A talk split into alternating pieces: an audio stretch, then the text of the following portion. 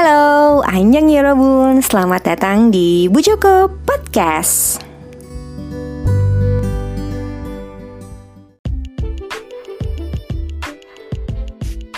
Selamat datang kembali di Bojoko Podcast Yorobunde Kali ini gue akan mereview sebuah drama yang lagi ongoing Karena gak tahu kenapa uh, drama tuh selalu kayak gitu ya. Kayak kalau misalnya lagi dalam satu bulan tuh drama yang emang bagus-bagus semua keluar itu pasti keluar bareng. Tapi kalau misalnya ada yang kayak duh kayaknya ini plotnya kurang kita banget nih gitu. Tapi keluarnya tuh bareng semua kayak gitu.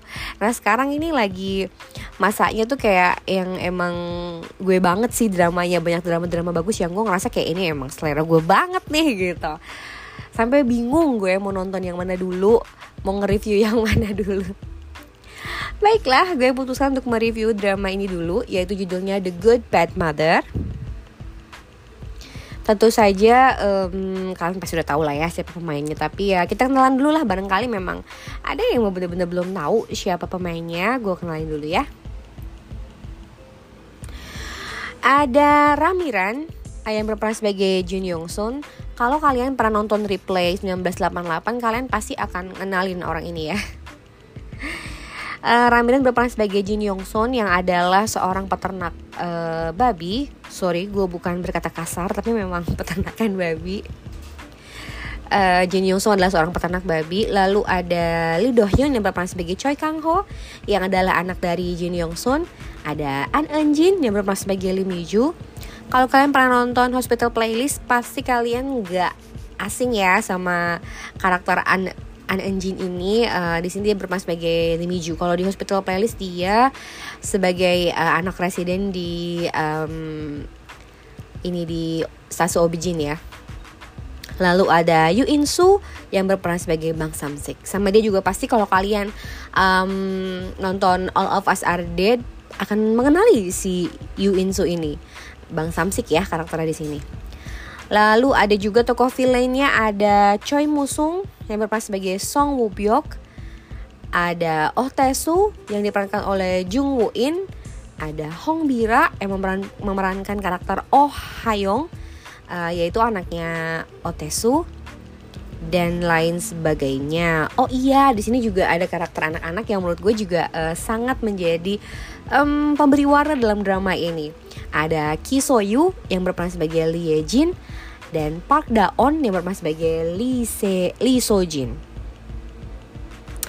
Dan uh, ada juga karena ini tuh backgroundnya menceritakan di sebuah pedesaan yang bernama Jory Village. Jory Village ini ada yang gue highlight aja lah ya ada si siapa? Kim Won Hee yang berperan sebagai Son Yong Rak yang adalah kepala desa. Park Bo Kyung yang berperan sebagai Son Yong Rak istrinya Son Yong Rak gitu ya. Yang menurut gue juga ini sangat menarik karena dia kayak sepanjang gue nonton sampai episode hmm, berapa ya? Kemarin 6 ya? Episode 6 orang ini tetap istrinya si uh, Son Yong Rak ini atau istrinya kepala desa ini tetap istiqomah dengan masker masker sheet yang kayak muka hewan gitu. Itu menurut gue jadi sebuah apa ya sebuah misteri juga kayak sebenarnya wajah aslinya gimana sih gitu? Apakah nanti akan ditunjukkan? Terus kayak ini sebenarnya ada apa sih? Kenapa sih? Gimana sih? Sampai uh, akhirnya si karakter istrinya dari Son Yong Rang ini pakai masker terus gitu ya we'll see lah ya karena masih 6 episode jadi masih banyak hal yang memungkinkan terjadi dalam drama ini gitu. Cukup penalannya sekarang kita ke plot sinopsis ya. Jadi uh, menurut gue sendiri dalam uh, point of view gue uh, The Good Bad Mother ini menceritakan tentang sebenarnya perjuangan seorang ibu ya kan yang um, diperankan oleh Ramiran ya seorang ibu yang bernama Jin Yong Sun yang uh, mencoba untuk mengangkat harkat dan derajat keluarganya gitu ya semenjak uh, sepeninggalnya sang suami yang meninggal secara tidak wajar gitu ya. Dan dia tuh um, pengen kalau misalnya anaknya tuh dia mendidik anak yang adalah Choi Kang Ho menjadi seseorang yang hidupnya lebih baik dari dia terus membalaskan bukan membalaskan dendam ya tapi kayak mencari tahu sebenarnya siapa sih pembunuh uh, bapaknya di masa lalu gitu. Cuman karena um, ya gue nggak tahu lah apakah faktor pendidikan yang tidak tinggi atau misalnya karena apa ya emang terbutakan oleh dendam gitu akhirnya dia mendidik seorang Choi Kang Ho ini anaknya dengan uh, terlalu keras menurut gue kayak Choi Kang Ho ini dari kecil kayak nggak boleh uh, piknik nggak boleh karya wisata atau study tour nggak boleh makan kenyang gitu. Harus bener-bener yang belajar belajar. Kalau makan terlalu kenyang nanti ngantuk. Ya itu sebuah rahasia umum ya. Kita emang kadang kalau habis makan kan kalau kekenyangan ngantuk. Nah uh, Jin Yong Sun membesarkan Choi Kang Ho dengan seperti itu dengan sangat keras gitu. Sampai kayak ada uh, kita tahu ya kalau masa remaja tuh bener-bener masa pergolakan batin seorang anak gitu mencari mencari jati diri dan lain sebagainya. Dan rebel banget udah pasti. Choi Kang Ho ini akhirnya tumbuh menjadi orang yang membenci ibunya gitu. Kayak ya deh uh, gue benci sama bagaimana cara ibu gue memperlakukan gue gitu. Ya udah kalau ibu gue mau gue jadi uh, apa uh, seorang jaksa. Oh ya jadi Jin Yong Sun ini berusaha untuk menjadikan Choi Kang Ho itu sebagai seorang jaksa supaya dia bisa menyelidiki sebenarnya siapa sih pembunuh ayahnya di masa lalu itu gitu. Sementara sebenarnya cita-citanya Choi Kang Ho sendiri bukan itu gitu. Tapi ya karena dia sebel banget menjalani kehidupannya seperti itu yang ibunya tuh bener-bener keras banget ya udah uh, dia ngikutin keinginan ibunya tapi bener-bener kayak makin dia benci tuh makin dia gue harus capai itu dan gue harus lepas dari ibu gue gitu pada saat itu mungkin ya pikiran Choi Kang Ho.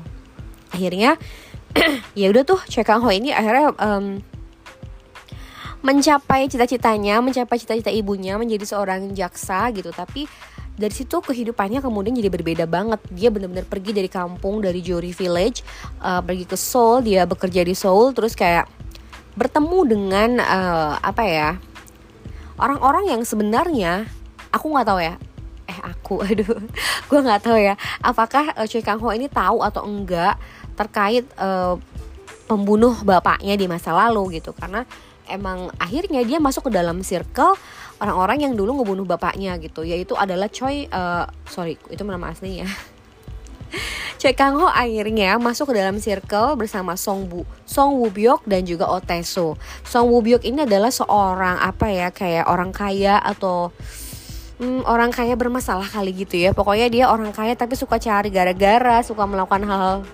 kriminal gitu. Dan ini tuh di backupin sama uh, Otesu yang juga seorang uh, apa namanya jaksa. Jadi tuh biasalah uh, kalau di Korea di drama Korea kan sering banget kayak ini di drama ya gue nggak tahu kenyataannya gimana. Tapi di drama sering banget kayak penjahat itu ngedeketin uh, karak uh, karakter jaksa gitu ya untuk um, membackup semua masalah uh, kriminalitas yang dilakukan gitu supaya bisnisnya tetap lancar. Kayak gitu. Nah Choi Kang Ho karena emang nih anak pinter banget gitu ya yang diperankan oleh Do Hyun ini akhirnya masuk ke dalam uh, circle tersebut gitu loh. Tanpa mereka tahu sebenarnya sebelumnya tanpa mereka tahu bahwa kalau Choi Kang Ho ini adalah anak dari uh, orang yang mereka bunuh berpuluh-puluh tahun sebelumnya gitu. Oke, okay, um, kayaknya sampai berapa episode gitu ya hidupnya dia tuh kayak gue ngerasa aduh ini Choi Kang Ho di sini kayak abu-abu gitu ya. Biasanya kan Lee Do Hyun itu jadi protagonis gitu ya. Ini kayak abu-abu banget sebenarnya dia jadi karakter jahat gak sih gitu karena emang berkumpul sama orang-orang jahat dan ada ada satu scene yang menurut gue kayak aduh ini mah parah banget gitu kan sulit untuk gue berpikir bahwa uh, Choi Kang Ho ini ya ya orang baik baik baik aja gitu um, tapi pada akhirnya gitu ya kalau gue ceritain semua kan nanti jadinya malah nggak ser nggak surprise dan nggak menarik lagi buat kalian untuk nonton uh, langsung gitu ya. Pokoknya ada satu kejadian yang membuat uh, Choi Kang Ho ini hidupnya yang tadi jadi atas kemudian jatuh bener-bener ke titik terendah yang bahkan kayak orang nggak akan bisa bayangin gitu kalau ternyata Choi Kang Ho bakal kayak gitu gitu loh. Apa itu kalau ini gue ceritain aja. Jadi karena satu hal yang kalian harus nonton sendiri ya Choi Kang Ho akhirnya um, apa ya mendapati dirinya sakit gitu dan memorinya tuh hilang. Dan yang dia inget adalah memori saat dia berusia 8 tahun. Eh 8 tahun apa 9 tahun ya? Uh, pokoknya jadi kanak-kanak lagi gitulah ya. Apa 7 tahun sih? Gue lupa. Pokoknya dia jadi anak-anak deh gitu anak-anak umur 7 apa 8 tahun gitu ya. Gue lupa. Sorry banget kalau salah. Gue uh, lupa antara 7, 8 atau 9 tahun. Pokoknya Choi Kang Ho yang umurnya udah 20-an something atau 30-an something kemudian memorinya jadi hanya sebatas uh, anak yang berumur usia 8 atau 9 tahun gue lupa. Seperti itu. Dan itu menjadi pukulan telak bagi ibunya gitu loh. Kayak susah-susah uh, dia ngebesarin uh, Choi Kang Ho dengan segitu kerasnya segitu susah payahnya gitu terus anaknya cuma sukses dalam hitungan berapa tahun aja habis itu anaknya tiba-tiba jadi kayak gitu gitu loh. Jadi anak yang um, dari segi uh, motoriknya pun ternyata terganggu dia harus berkali-kali ikut uh, apa rehabilitasi medik karena uh, dia lumpuh.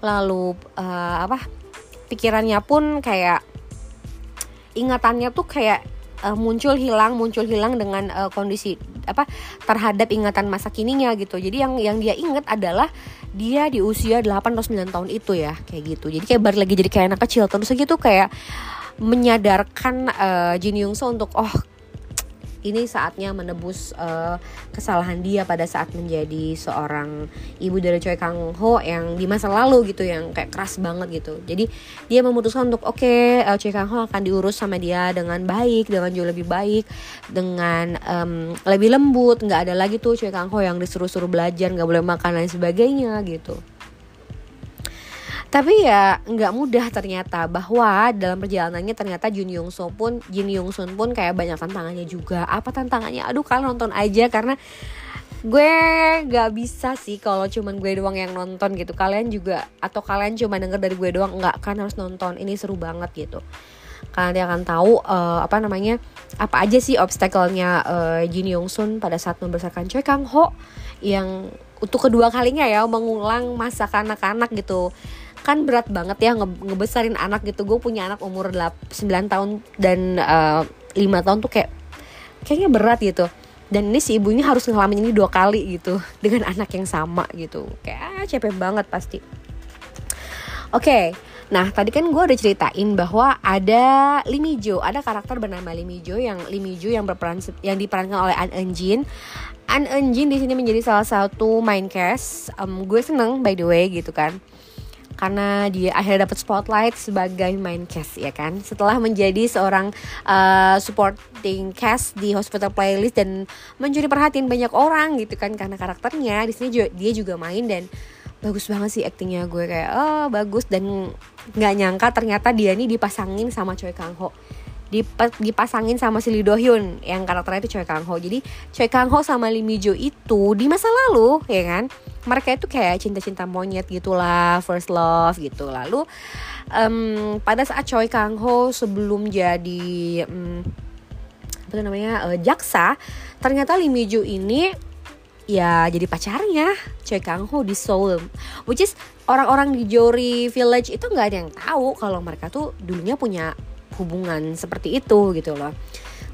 Sampai akhirnya um, ada hal yang bikin mereka putus yang belum sorry yang belum kebuka kenapa gitu. Akhirnya mereka putus terus kayak Lee Mijo tiba-tiba punya anak kembar. Itu kayak wajar nggak sih kalau gue mikir kalau mungkin gak sih anaknya Lee Mijo yaitu si Lee Ye Jin dan Lee So Jin yang kembar itu adalah sebenarnya anaknya uh, Choi Kang Ho gitu. Karena si Lee Mijo ini bilang sama orang tuanya mereka cerai uh, Lee Mijo nikah sama seorang uh, laki-laki di Amerika gitu orang Korea. Karena ceritanya Mijo ini ngaku sama orang tuanya kalau dia ini ngerantau ke Amerika gitu. Padahal dia ya di Seoul berkeliling mencari pekerjaan dan bekerja juga akhirnya sebagai um, terapis atau apa sih yang suka ngerjain kuku gitu di salon kuku.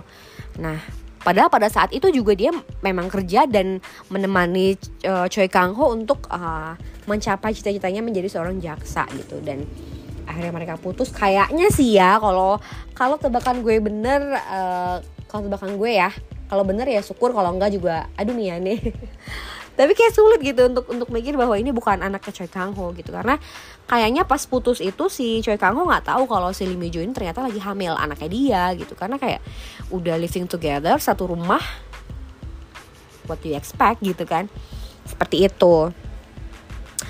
Um, nggak tahu ini ke depannya akan seperti apa. Dan juga kayak kalau misalnya di masa lalu uh, Choi Kang Ho ternyata melakukan kesalahan gitu. Karena aku nggak tahu. Jadi ada satu scene yang emang ada satu scene yang emang menurut menurut gue tuh kayak kayaknya Choi Kang Ho ngelakuin sebuah tindakan kriminal gitu. Tapi kan kita nggak tahu ya mungkin aja ada plot twist ternyata um, itu nggak seperti yang kita bayangin gitu kan.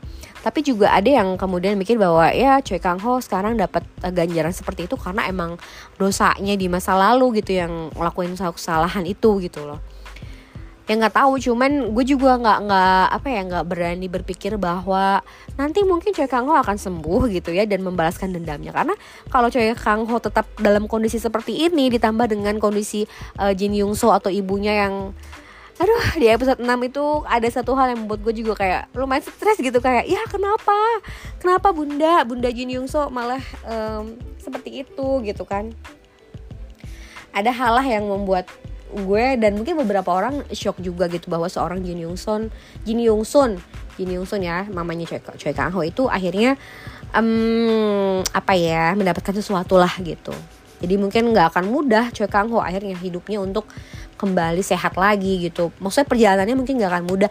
Gue nggak bilang bahwa uh, Choi Kang Ho selamanya akan kayak gitu akan sakit gitu. Tapi juga kalaupun memang sembuh ya pasti perjalanannya akan dibikin nggak nggak nggak mudah semudah itu gitu kan seperti itu. Dan kalau misalnya Choi Kang Ho nggak sembuh terus yang balas dendam sama si Song Woo Byuk dan Oh Tae siapa? Gitu kan. Jadi menurut gue kayak mungkin ada ada ada kemungkinan bahwa si uh, Choi Kang Ho ini akan sembuh dan membalaskan dendamnya. Tapi nggak tahu momennya kapan gitu kan.